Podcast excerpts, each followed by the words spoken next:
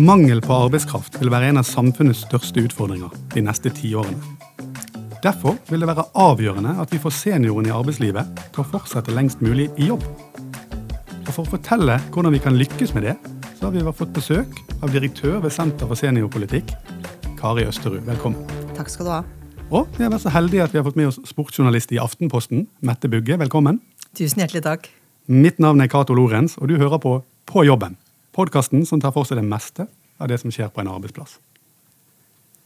Ja, dette er et spennende tema å prate om. Jeg er glad jeg har fått med dere to. Det må jeg si. Um, Kari, Ja. du er direktør for Senter for seniorpolitikk. Jeg vil si over gjennomsnittet interessert i, i hvordan få folk til å stå lengst mulig i jobb. Det er, det er vel trygt å si. Det er trygt å si. Ja. Kjøpt og betalt arbeidslinje, pleier jeg å si at det er. Det er bra. Men jeg lurer på hvorfor det er så viktig at folk står lenger i jobb. Det er mange gode grunner til det. Eh, men det er særlig tre viktige grunner som jeg kunne tenke meg å fremheve. Eh, den eh, ene viktige grunnen det er det jeg kaller av hensyn til samfunnsregnskapet. Rett og slett fordi vi blir så veldig mange flere eldre i landet. Og skal vi liksom greie å opprettholde tilstrekkelig antall yrkesaktive, så er vi nødt til å jobbe lenger.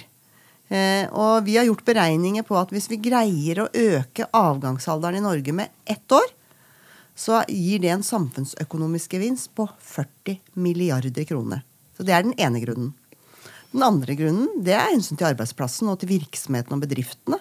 Fordi at seniorene besitter kompetanse og erfaring eh, eh, som bedriftene trenger for å lykkes i et konkurransemarked, f.eks. De kjenner kundene, de kjenner produktene. Eh, de har vært ute en vinternatt før eh, og kan bidra med veldig viktige arbeidsoppgaver i bedriften. Så Det er den andre grunnen. Den tredje grunnen det handler om senioren selv. Eh, flere og flere sier at de ønsker å jobbe lenger. Faktisk så sier én av tre av de yrkesaktive som vi spør, at de kunne tenke seg å jobbe til de blir 70 år eller eldre. Rett og slett fordi man trives på jobben, man syns man har et godt arbeidsmiljø, meningsfylte arbeidsoppgaver. Det gir- rett og slett eh, god livskvalitet å kunne jobbe lenge. Eh, Og så en sånn liten ekstragevinst at hvor lenger du jobber, jo mer får du i pensjon. Så det er den tredje grunnen. Ja, Tre gode grunner der. Tre gode grunner. Ja. Eh, lykkes vi da med å få folk til å stå lenger i jobb? Ja, vi lykkes eh, sakte, men sikkert. Eh, siden 2001, eh, hvor vi liksom begynte å måle på økt yrkesaktivitet og sånn, etter at vi fikk den første IA-avtalen eh, Siden 2001 så har vi økt gjennomsnittlig eh, avgangsalder, eller vi jobber 2,3 år lenger nå enn vi gjorde for 18 år siden. Så vi kan jo ikke påstå at det går så veldig fort. Men det går den riktige veien. Ja. Og en av de som, som har valgt å jobbe ganske mye lenger, det er du, Mette Bugge. Ja, sportsjournalist, sportsjournalist i Aftenposten, som jeg sa innledningsvis. Eh, du er nå, eh, hvis jeg har regnet riktig, 67 år. Ja. Ja, Og du har jobbet i ganske mange år. Du har vært sportsjournalist i Aftenposten i over 40 år. Eh, den, fra den gangen man brukte skrivemaskin uten strøm, og nå, nå er du på Facebook og på Twitter og på Snapchat. Hvorfor har du valgt å, å jobbe så lenge, og hvorfor fortsetter du å, å jobbe? Nei, Det handler jo om at jeg er veldig veldig glad i yrket mitt, journalistikken, og jeg er veldig glad i arbeidsplassen min. Hadde jeg ikke vært det, så hadde jeg for lengst funnet på noe annet. Jeg ser ingen grunn til å være på en jobb hvor du mistrives. I så fall må du prøve å gjøre noe med det. Eh, og jeg tenker at eh, For meg så er det å jobbe så meningsfullt. Det er nok fridager ellers. Det er jo ikke sånn at jeg ikke kan bidra overfor familien, ikke kan bidra overfor barnebarn, ikke kan være med på ting, selv om du har en jobb. Eh, For meg er det glede, og det er jeg får brukt hjernecellene mine, og jeg innbiller meg jo at jeg kan bidra i yrket mitt. Ja, Men har det, har det vært noe som har vært avgjørende for at du eh, har valgt å fortsette? Har det, har det vært perioder der du har tenkt noe annerledes, og, og så har du tenkt at dette er viktig? Altså, du kan si at Jeg har vel egentlig ikke tenkt så veldig mye annerledes, men det har jo vært nedbemanningsrunder på min jobb også, hvor jeg har måttet tenke sånn Kan jeg virkelig fortsette nå? Kan jeg virkelig si nei for andre gang? Men så har jeg bare bestemt meg for at ja, det kan jeg. Jeg kan faktisk fortsette. Her er det bare å stå på. Hvorfor skal jeg gi meg? Hadde jeg følt at ikke jeg passa inn, eller at de så på meg som en sånn eh, gammel kjerring som satt i hjørnet, liksom, så hadde jeg kanskje funnet på noe annet. Men jeg har bestandig følt at jeg har fått klapp på skuldra, at de har heiet meg frem, og jeg har aldri følt at de ville ha meg ut. Og det er klart, disse holdningene har utrolig mye å si på en jobb. Ja, det, det vil jeg tro. Og vi skal snakke en del mer om disse holdningene etter hvert. Uh, uh, Kari, allikevel, du nevner noe av dette innledningsvis, og jeg tenker vi må fortsette å prate litt om det. Et begrep, eller et ord vi ofte hører, eh, er eldrebølgen. Mm. Det tror jeg jeg har hørt i, i, ganske mange år nå. At nå kommer eldrebølgen. Mm. Kommer den snart, eller er den her? Eh, hva er det? Altså, ja, hva er eldrebølgen? Altså, for det første så uh, gir det kanskje noen negative assosiasjoner. altså Man får nærmest sånn følelse at det er liksom en tsunami med, med gamlinger som liksom flommer over oss. Og vi skal ha liksom flaks om vi, vi kommer uh, godt ut av det. Uh, uh, men det er nok ikke en bølge. Det, altså det er mer en sånn varig endring av vannstand. Altså Vi blir rett og slett flere eldre. og så er jo dette begrepet eldre, da, som, som vekker nok noe Vi får noen bilder i hodet og assosiasjoner som ikke bare er positive.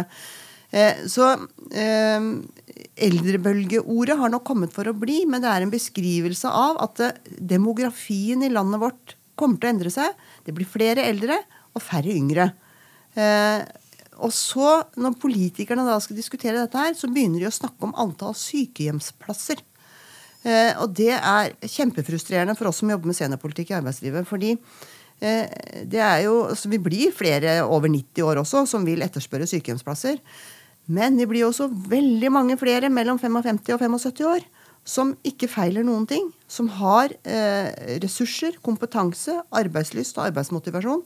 Som kan bidra på veldig mange måter i samfunnet. Så hvis, hvis vi hadde greid å liksom definere eldrebølgen også som en ressursbølge For det mener jeg at det kan være, hvis vi vil. Ja, Ressursbølge. Det er, ja. det er kanskje et bedre ord, som, ja, som klinger bedre. Mette er jo et eksempel på det. Altså... Eh, 67 eh, år er det nok mange tenker at eh, da er det høyst på tide å pensjonere seg. Og gjennomsnittlig pensjonsalder i Norge er mye lavere enn 67. Den er på 65, den. Ja. Altså, det er vel bare, det er rundt 40% av landets uh, eh, 65-åringer som fortsetter i jobb. Da har de fleste gått av med pensjon. Mm. Og jeg tenker at det er der vi må, det er det vi må endre. Langt flere 65-åringer, 66-åringer og 67-åringer osv. må jobbe lenger enn vi gjør i dag. Men det betyr ikke at vi skal jobbe og slite til vi blir 80 år. Eh, men eh, vi må belage oss på at fremtidens arbeidsliv kommer til å vare mye lenger enn det gjør i dag. Ja. Det som jeg også syns er litt spesielt, er at vi har vel alle både vært 20 og 40 år, og så har vi tenkt at bestemor på 60 eller 70 var ute på dato, og det var en gammel dame, ikke sant? Og så, og så blir vi sjøl i den alderen, og så opplever vi at Men sånn er det jo faktisk ikke. Vi, vi, jeg føler meg full av motivasjon og glød og gnist, og jeg har virkelig lyst til å bidra med alt det jeg har opparbeida meg i arbeidslivet gjennom kjempemange år. Men det kan man ikke vite når man er 40. 40. Da tenker du bare at det er en eldre person. Men vi må faktisk vri det bildet litt, altså. Mm, mm. Vi ser hvor mange spreke, oppegående 70- og vi kunne tatt med 80-åringer det er. Uh, og igjen, jeg vet at du vet at vi blir flere eldre i landet. I 2016 for første gang runda vi 1000 hundreåringer i Norge. Og nå mener nok verken Kari eller jeg at hundreåringer skal stå i arbeidslivet, men det viser bare om at helsa vår er bedre, og vi kan jo ikke sette oss ned og ikke å gå ut i arbeidslivet eh, i, i 60-årsalderen, etter min mening. Nei, eh, fordi altså, når vi fikk folketrygden i 1967 da, da, var, da, var, jo første gang alle i Norge fikk krav på alderspensjon. Da var jo eh, Og da var eh, egentlig normal pensjonsalder rundt 70 år. Og så var levealder 73 år. Så da hadde man pensjon 3-4-5 år eh, før man døde. Eh, nå kan man liksom i, i de mest ekstreme tilfellene tenke seg at du går av med AFP når du er 62, og så lever du til du er 95. Altså at den, den, lengste delen av livet ditt vil være som pensjonist. Og, og man trenger ikke være samfunnsøkonom for å skjønne at det ikke er bærekraftig. Nei. Det har vi rett og slett ikke råd til. Og det som også er blitt litt annerledes nå, det er det at eh, folk får jo barn ganske høyt i alder. Og jeg fikk akkurat høre om en, eh, en fersk småbarnsfar på 57 år som var forferdelig irritert fordi han fra jobben hadde fått greie på og lurte på om han skulle gå på pensjonistskole for å avslutte arbeidslivet. Og det ville han ha seg frabedt, for han var småbarnsfar, og, og sånn er det jo i våre dager. Bildet er jo ikke som det var. Vi får jo ikke lenger alle barn når vi er 23 år. Vi får dem når vi er 40 og 42 og 44, også på jentesida, og enda seinere som menn. Så arbeidsliv og småbarnsliv altså, det, det, er annerledes enn det var for 20 år siden. Ja. Og det er jo, det er, jeg, merker meg noe dere sier, begge to. det er jo at Vi, er, vi blir sprekere, vi, vi, har en bedre helse nå. Mm. Og alle disse tingene er jo, men, og, det, og, det, er kjempebra, og det er viktig for å kunne på en måte yte i et, i et arbeidsliv. Men, men, det er andre ting òg. Eh, vi har jo et arbeidsliv i ja, Vi snakker om det. I kontinuerlig endring. Mm. Det omstilles. Vi har en digitalisering, spesialisering. Um, man må kunne nye ting. Man må ha ny kompetanse, hele tiden mm. være i læring. Dette er sånne ting som dere kjenner godt til. Um, er, de, er, den eldre garde eh, flinke nok til, til, å ta til seg denne læringen, da? Er det også det enkle svaret på det er jo ja. Det er den eldre garde. Eh, men det er knyttet noen myter til det mm. å bli eldre. Eh, og dessverre så er det nok at, sånn at mange ledere og, og sikkert HR-folk og, og, folk flest egentlig agerer i henhold til mytene og ikke til fakta. Og myten kan jo f.eks. være at eh, eldre arbeidsdager har mindre intellektuell kapasitet, har vanskeligere for å lære seg nye ting, er mindre omstillingsdyktig. Heldigvis så fins det forskning i bøtter og spann som tar livet av disse mytene. Alder er en eh, faktor som ikke forteller noen ting om din læreevne, eh, din omstillingsevne osv. Så, eh, eh, så det som jeg tror man opplever når man er en senior selv, sånn som jeg er, er at etter hvert som årene går, så lærer man på en annen måte enn man gjorde når man var yngre. Så jeg tror at mange arbeidsplasser kunne være mye flinkere til å ha mer sånn skal jeg kalle det aldersadekvat opplæring. Altså Det er lenge siden vi satt på skolebenken. Så vi lærer kanskje bedre av sånn som på godt norsk heter on the job training. Mm -hmm. Altså det å sitte ved siden av en kollega og lære på den måten. Eh, man kan lære like fort, man kan bli like flink, eh, og kanskje enda flinkere, eh, til å ta i bruk ny teknologi og nye måter å jobbe på. Så det er mulig. Men også en annen utfordring, da, som vi ser, og som vi også finner ut av våre undersøkelser, er at når virksomheter skal innføre f.eks. ny teknologi eller nye arbeidsmetoder, så foretrekker de å gjøre det med de unge på teamet. Altså De eldre får ikke lov å være med. Og da er det veldig vanskelig å lære seg noe. Når du ikke har fått lov til å være med på den endringsprosessen. Ja, og, det er interessant. Og uh, Før vi begynte denne episoden, her, så, så, pratet vi litt sammen. og Da brukte du et begrep Kari, om Mette som jeg likte veldig godt. og Det var det du kalte henne for en vandrende mytebryter. Ja. Uh, og da uh, vil jeg spørre deg, Mette. Du er Mette, den vandrende mytebryteren. Um, Du har brutt en del av disse mytene som Kari eh, snakker om her. Du, du, har tatt denne omstillingen som har vært i journalistbransjen, da, med overgang fra papir til, til nett, annet. Jeg sa innledningsvis du begynte med skrivemaskin, og nå er du på Facebook og Snapchat. Hvordan har det vært å, å, å ta den overgangen i en, i en, når du har blitt eldre og eldre for hvert år? For det første har det vært veldig gøy, men det har jo vært helt nødvendig. For det nytter jo ikke hvis du er i en jobb, og den jobben utvikler seg, og si at 'dette vil ikke jeg være med på'. Det har jeg sett i min jobb at noen har sagt, og dermed de, setter de seg sjøl utafor. Så du må faktisk ha den holdningen at 'dette har jeg lyst til å lære'. Og nå pleier jeg å si at jeg er ikke noen sånn teknisk guru, jeg, på, på jobben min, men jeg var så heldig å få være med i et spydspissprosjekt i Aftenposten, hvor jeg lærte på en måte hva den nye formen for journalistikk var, og hvordan vi da skulle skrive.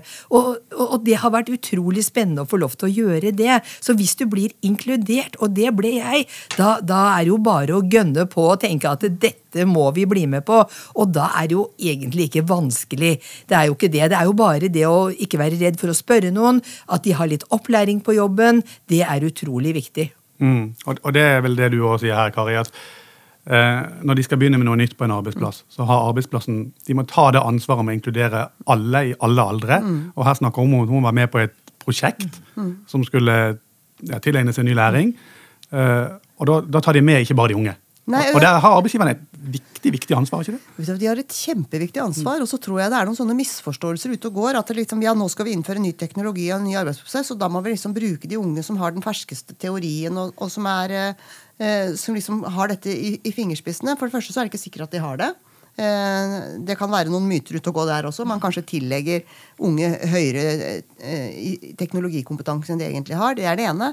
Men det andre er jo at eh, når man skal innføre ny teknologi, ny arbeidsprosess, så skal man jo ikke bare gjøre det. Man skal jo fortsatt kanskje betjene det samme markedet. Man skal snakke med de samme kundene. Man skal selge de samme produktene.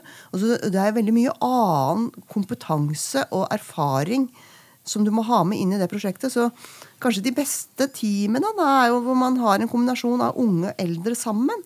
Hvor man får det nye og det ferske eh, og det erfaringsbaserte og kanskje den derre eh, Eh, grunnleggende kompetanse om det markedet eller det, de produktene eller eh, den virksomheten man driver, som, som de erfarne medarbeiderne kan bidra med.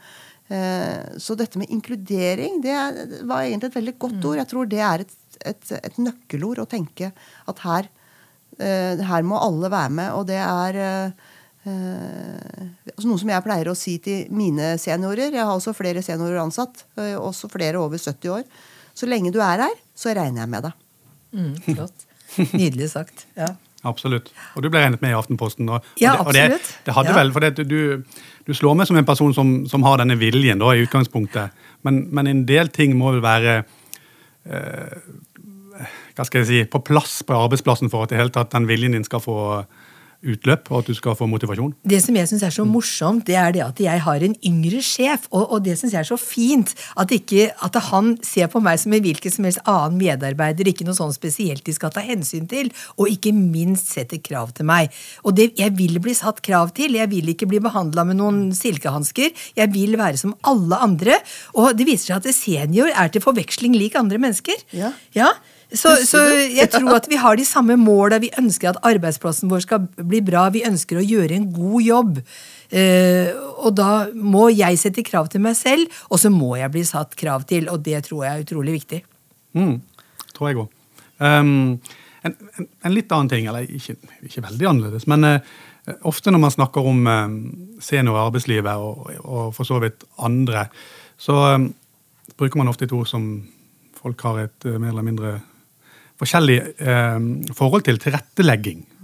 Jeg har lyst til å spørre deg, Kari. Eh, trenger man å tilrettelegge for seniorene i arbeidslivet? Er det, er det noe sånn dere ser det? Når jeg hører det ordet ja. i kombinasjon med senior, så skal jeg innrømme at jeg får litt gåsehud noen ganger. jo, men altså, eh, Og det kan hende at uh, i noen yrker og bransjer uh, så vil seniorene trenge tilrettelegging. Uh, men stort sett så vil de ikke trenge det. For, fordi man har hatt bursdag, så man, får man plutselig behov for tilrettelegging. det er ikke sånn. Og, og, og, det ligger en slags insinuasjon, da, hvis jeg skal være litt paranoid her, at det, det hefter noe ved disse gamlingene. Det er et eller annet som ikke virker. Så vi må kompensere med en form for tilrettelegging. Eh, arbeidsgivere har tilretteleggingsplikt, helt uavhengig av hvor gammel du er. Det handler om eh, helsesituasjon, livssituasjon, type arbeid. Eh, og det skal du være god på som arbeidsgiver, uansett hvor unge eller gamle medarbeidere du har. Det er veldig mange seniorer som ikke trenger tilrettelegging i det hele tatt. Mm. Eh, men eh, det kan hende at man skal diskutere hvordan man organiserer arbeidet eh, muligheter for fleksibilitet osv. Men der tipper jeg at seniorer er som folk flest. Eh, de setter pris på å bli involvert i hvordan man organiserer arbeidet. Man setter pris på fleksibilitet.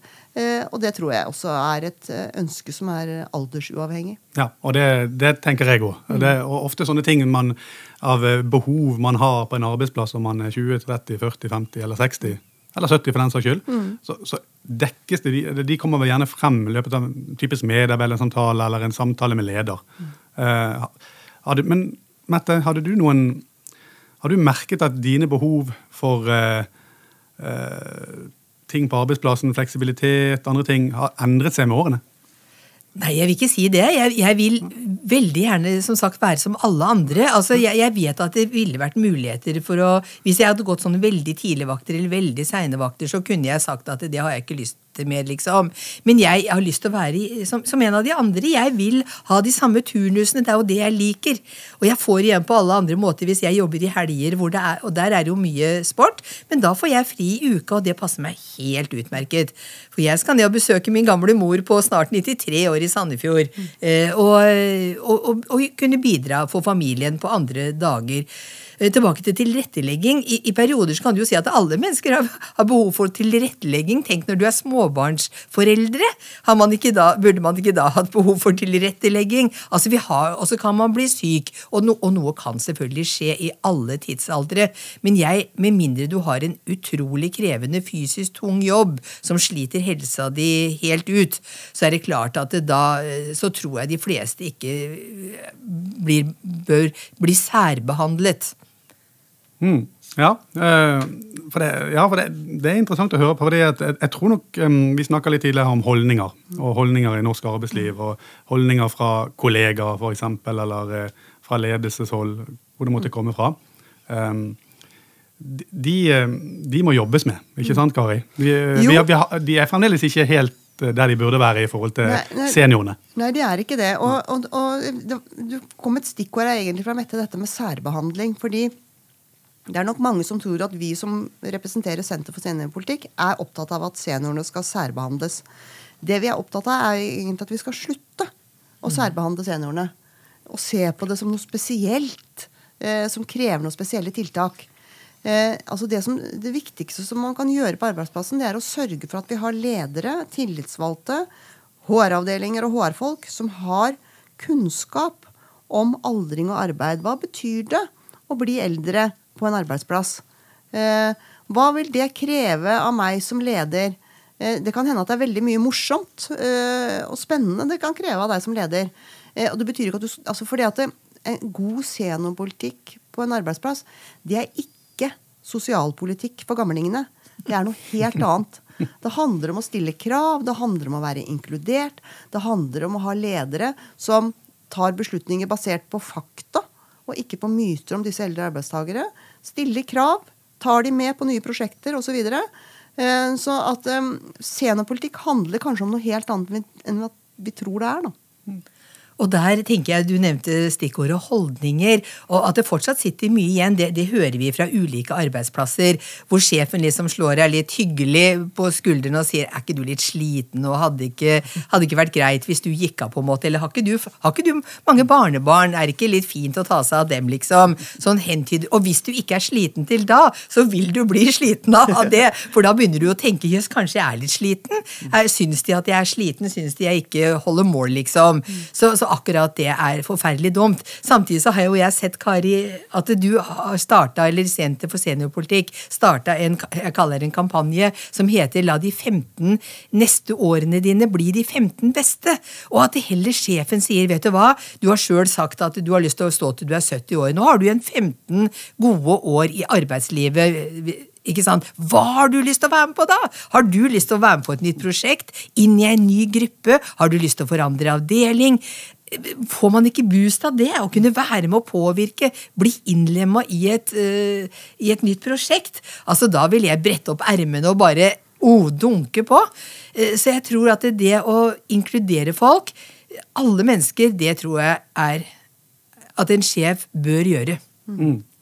Ja, og jeg tror at eh, det eh, som man f.eks. snakker om i medarbeidersamtaler med sine eh, eldre medarbeidere, det er veldig viktig. At man ikke åpner med at ja, nå er det jo du fylt 62 år, har du begynt å tenke noe på dette med pensjon, liksom, og ja. så videre.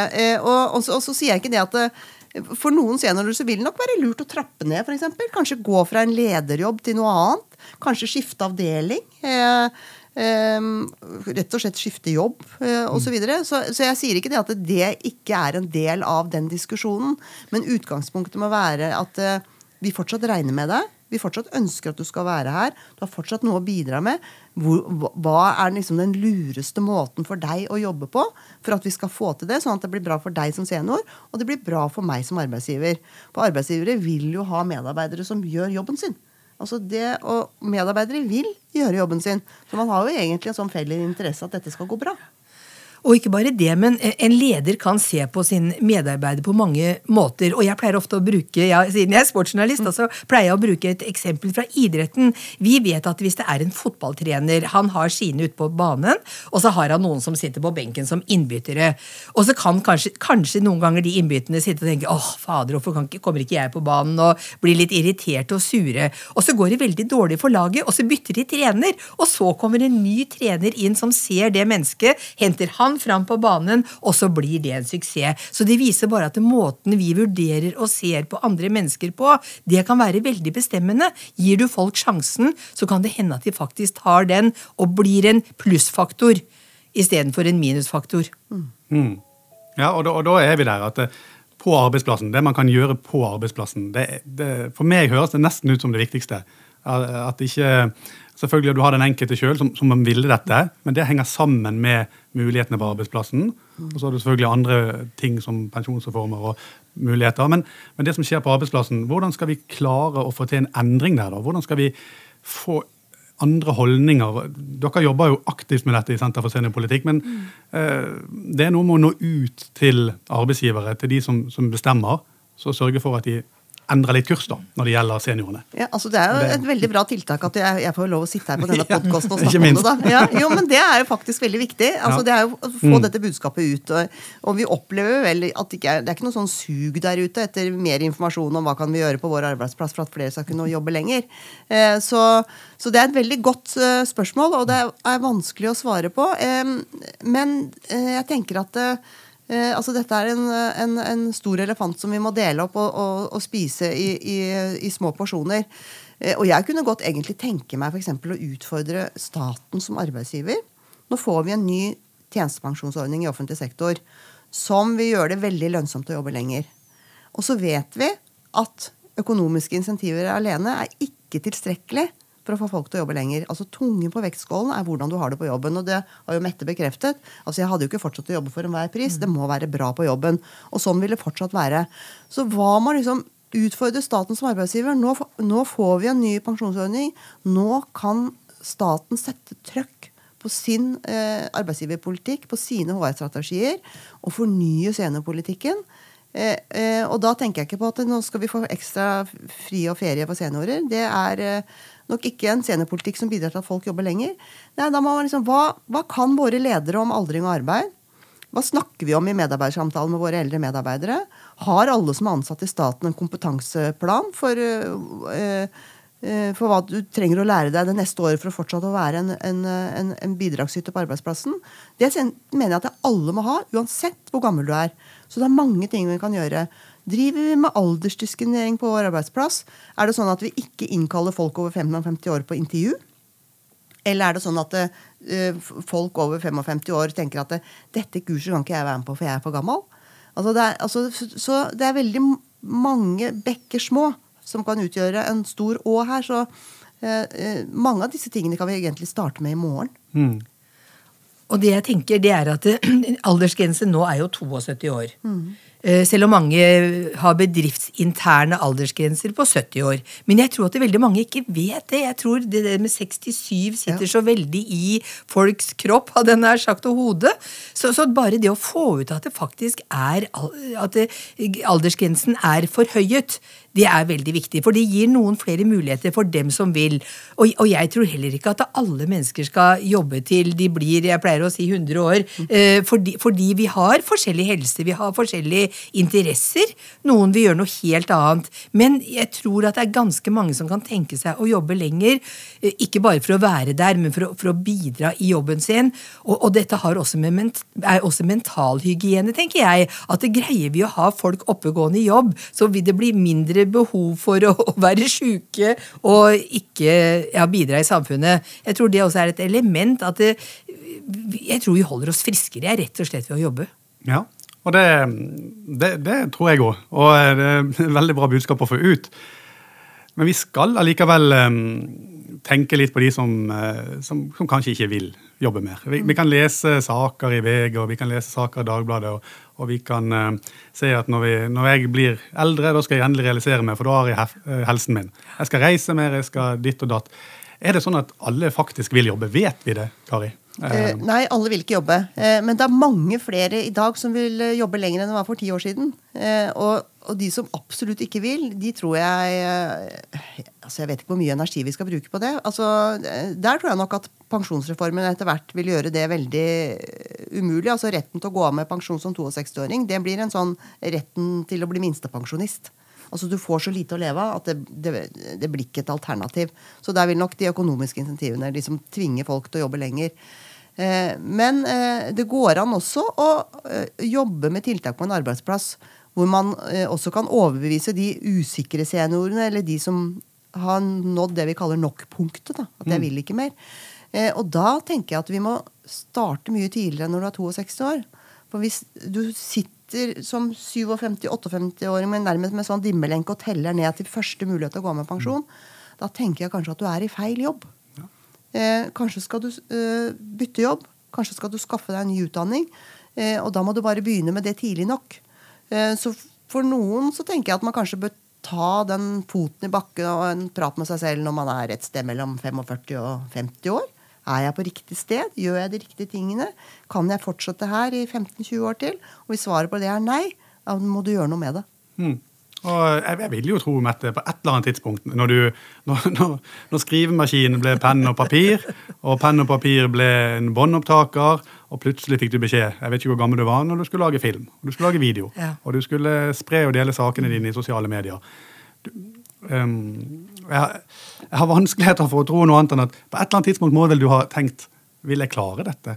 Eh, hvordan skal jeg klare dette, eller bare falt det? Nei, jeg har aldri tenkt at hvorfor skal ikke jeg klare dette? Heller hvorfor skulle ikke jeg klare dette? Det, så, det, det kan vel ikke være så vanskelig? Da må en jo bare få mer opplæring, da. Hvis, og, og, jeg blir jo aldri ferdig utlært, for det skjer jo noe hele tida. Og det er jo så utrolig morsomt å være med på det toget istedenfor å stå uh, på barongen, som de sier. Uh, så, så jeg tror at vi bare må ha litt ah, holdninger til at vi skal klare ting. Altså Det er ikke så vanskelig, tror jeg, på de fleste jobber. Da, da kunne du ikke hatt de jobbene hvis ingen klarte det. Så, så det, er snakk om opplæring og holdninger og bare dra folk inn og la dem få prøve seg, tror jeg. Ja, Det å våge å tørre litt òg. Ja, ja, måtte du på sjøl. Ja, jeg synes jeg så et sted at du, du, snakket om å prøve og feile. Det er lov å prøve og feile. Ja, det, det, er lov å feile, og jeg gjør fortsatt feil. Skulle ønske jeg, jeg sa at jeg var helt ufeilbarlig, men jeg gjør også feil. Men forhåpentligvis ikke de samme feilene om og om igjen. Altså, Hvis du gjør en feil, så lærer du av det og tenker det skal jeg prøve å unngå neste gang. Så det er noe med det å lære av det. Det er jo morsomt med dette her med å gjøre feil, for alle gjør feil uansett alder. Eh, det feilfrie mennesket det er vel ikke født ennå, tror jeg. Eh, men eh, det er jo noen forskere i Tyskland som forsket på om eldre arbeidstakere gjør flere feil enn yngre. Det var et kjempestort prosjekt eh, hvor de var inne i en Mercedes-Benz-fabrikk der hvor de lager Mercedes-Benz lastebiler, hvor de fulgte disse over fire år. Eh, og, og så på eh, om det var noen sammenheng mellom alder og feilprosent. For det første så var dette en Mercedes-fabrikk, så det var en lav feilprosent. Så det var ikke sånn at det var veldig mange feil. Så, men så fant de ut at det, det, var også veldig liten forskjell på hvor mange feil man gjorde, om man var ung eller eldre. Men det var én ting eh, som de eldre og erfarne medarbeiderne skilte seg positivt ut med. Det var at de en, så som de hadde en egen evne til å unngå å gjøre de feilene man absolutt ikke gjør. De gjorde fortsatt feil, men de, de, de store brølerne, det hadde de lagt bak seg. Mm. Ja. ja um, en, en, litt helt annen ting, faktisk, og som jeg syns er likevel viktig at vi må prate om før vi, før vi nærmer oss å runde av. det er dette som eh, jeg tenker veldig mange vil tro, da. At hvis vi har de eldre i jobb, og hvis vi rekrutterer eh, seniorer, hvis vi beholder flere eldre lengst mulig, så går det på bekostning av de unge. Og da får ikke de plass i arbeidslivet. Mm. Det, det, er en sånn veldig kjent uh, tanke der ute, og den uh, tenker jeg kanskje dere har noen tanker rundt. Ja, og veldig glad for at du spurte om det. Fordi uh, det stemmer ikke. Eh, det baserer seg på en oppfatning av at antall arbeidsplasser er en gitt størrelse for evig og alltid. Og sånn er det ikke. Nei. Og dette er nå veldig grundig eh, dokumentert, bl.a. gjennom flere rapporter i OECD-systemet. En, en, en, stor eh, undersøkelse i Sverige osv. Og, så og ja, flere land. Eh, altså det, er, det, er, det, er, mye gode analyser som viser at det, eh, i de landene hvor de har høy yrkesdeltakelse blant eldre arbeidstakere, så har de også lav ungdomsledighet det enkle svaret er at arbeid avler arbeid. Jo flere som er i jobb, jo flere arbeidsplasser skapes det. Eh, så det er et veldig viktig budskap til noen der ute som tror at de må ta sin hatt og gå når man starter nedbemanningsprosesser. For jeg må jo gi plass til disse unge med små barn og høy gjeld. Eh, nei, eh, det stemmer ikke. Du tar som noen sa, du tar kanskje en for laget i den bedriften, men du tar virkelig ikke en for landslaget. Fordi at av hensyn til Norge så er det veldig viktig at også de eldre får lov å fortsette i jobb gjennom omstilling og nedbemanningsprosesser. fordi at ved å holde folk i jobb, så skaper du nye arbeidsplasser. Det er jo selvfølgelig ingen som mener at man skal holde de unge ute av arbeidslivet. Man ser jo det hvor viktig det er at det er unge, middelaldrende og litt eldre på en arbeidsplass. Jeg føler virkelig at vi har noe å tilføre hverandre. Så, samtidig så kan du si at de gangene hvor det blir nedbemanning da, så er det jo mye tror jeg fortsatt mye lettere for en ungdom eller et ungt menneske å få ny jobb enn det er for en eldre også. Mm. Ikke sant? Så, så, de vil nok slite litt mer, og da går vi jo igjen på dette med holdninger. da. At man tror, en, en arbeidsgiver tror at uh, er du, har du runda 60, så har du ikke noe mer å tilføre. Kan hende en på 60 hadde blitt der minst i ti år, mens en på 42 ville ha bytta etter tre. Ikke sant? Så det er ikke noe sånn fasitsvar her på hva som er riktig og ikke riktig. Og heldigvis så ser vi nå at uh, noen arbeidsgivere er åpne for den kompetansen som eldre har. Jeg snakket senest for noen dager siden med en sykepleier som hadde blitt ansatt i en alder av 67 år, blitt fast ansatt som sykepleier. Jeg syns det er så gøy å høre disse, og hun var så tent og gleda seg og følte virkelig også at hun bidra på, jobben sin. Og var i konkurranse med mange, så det var ikke det at hun var den eneste søkeren. Eh, og kjente ikke den som skulle ansette, men hadde gjort et så godt inntrykk og gjort et så god jobb på vikariater. Og vi ser at når mange seniorer kommer inn på vikariater via bemanningsbyråer, så er det også en inngangsport til å få fast jobb, for man ser at de faktisk leverer på det de skal levere på. Ja, og det, vi, vi, begynner å gå mot slutten her nå. Jeg har likevel lyst til å bare få en sånn siste eh, fra, fra dere begge. Kanskje begynne med deg, Mette. Ditt råd til arbeidstakere som, som, som, nå begynner å bli eldre, kanskje bikker 60, alt etter sånn, og er usikre og sitter litt på gjerdet, merker omstillinger, merker endringer i arbeidslivet, merker økning av tempo, eller hva det måtte være. Hva vil, du, hva vil ditt råd være til de med tanke på å kanskje vurdere å stå lenger? Det er å utfordre dem med å spørre hvor, hva kunne du tenke deg hvis du fortsetter nå, jeg vil gjerne ha deg, hva hvor kan du sette inn støtet? Er det noe vi kan forandre på som gjør at du skal bli mer motivert? Og ofte vil jeg tro at eh, folk eh, si, ville komme med et eller annet som de har gått og tenkt på, og kanskje ikke turt å si. At de kanskje syns det er kanskje litt flaut eller litt dumt at de sier at de, vet du hva, jeg kunne faktisk tenkt meg å prøve på dette her. Eh, så jeg tror det på, enten det er på medarbeidersamtaler eller ellers, ta og utfordre litt. Det, det, det tror jeg er lurt.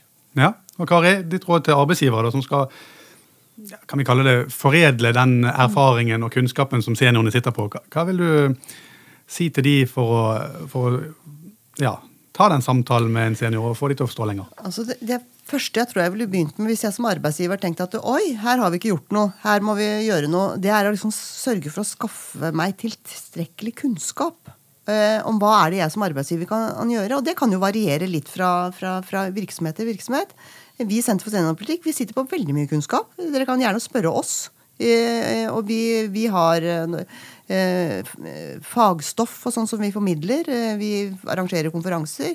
altså Les deg litt opp på dette temaet først, og sørg for at Snakk om det på jobben. Involver de tillitsvalgte. Involver seniorene. Liksom Start en prosess som ikke handler om å bygge et romskip. Dette er ikke så veldig komplisert. Det handler kanskje først og fremst om å sette det på agendaen og sørge for at man eh, agerer faktabasert og ikke mytebasert. Spør oss, sier eh, Kari Østerud ved. Senter for seniorpolitikk. Tusen takk for at du var med oss i dag. Og tusen takk til deg, Mette Bugge, for at du tok eh, turen til, på jobben i dag. Mitt navn er Cato Lorentz, eh, og med meg som produsent har jeg hatt Eirik Stordrange. På jobben er tilbake igjen om noen uker. Vi høres.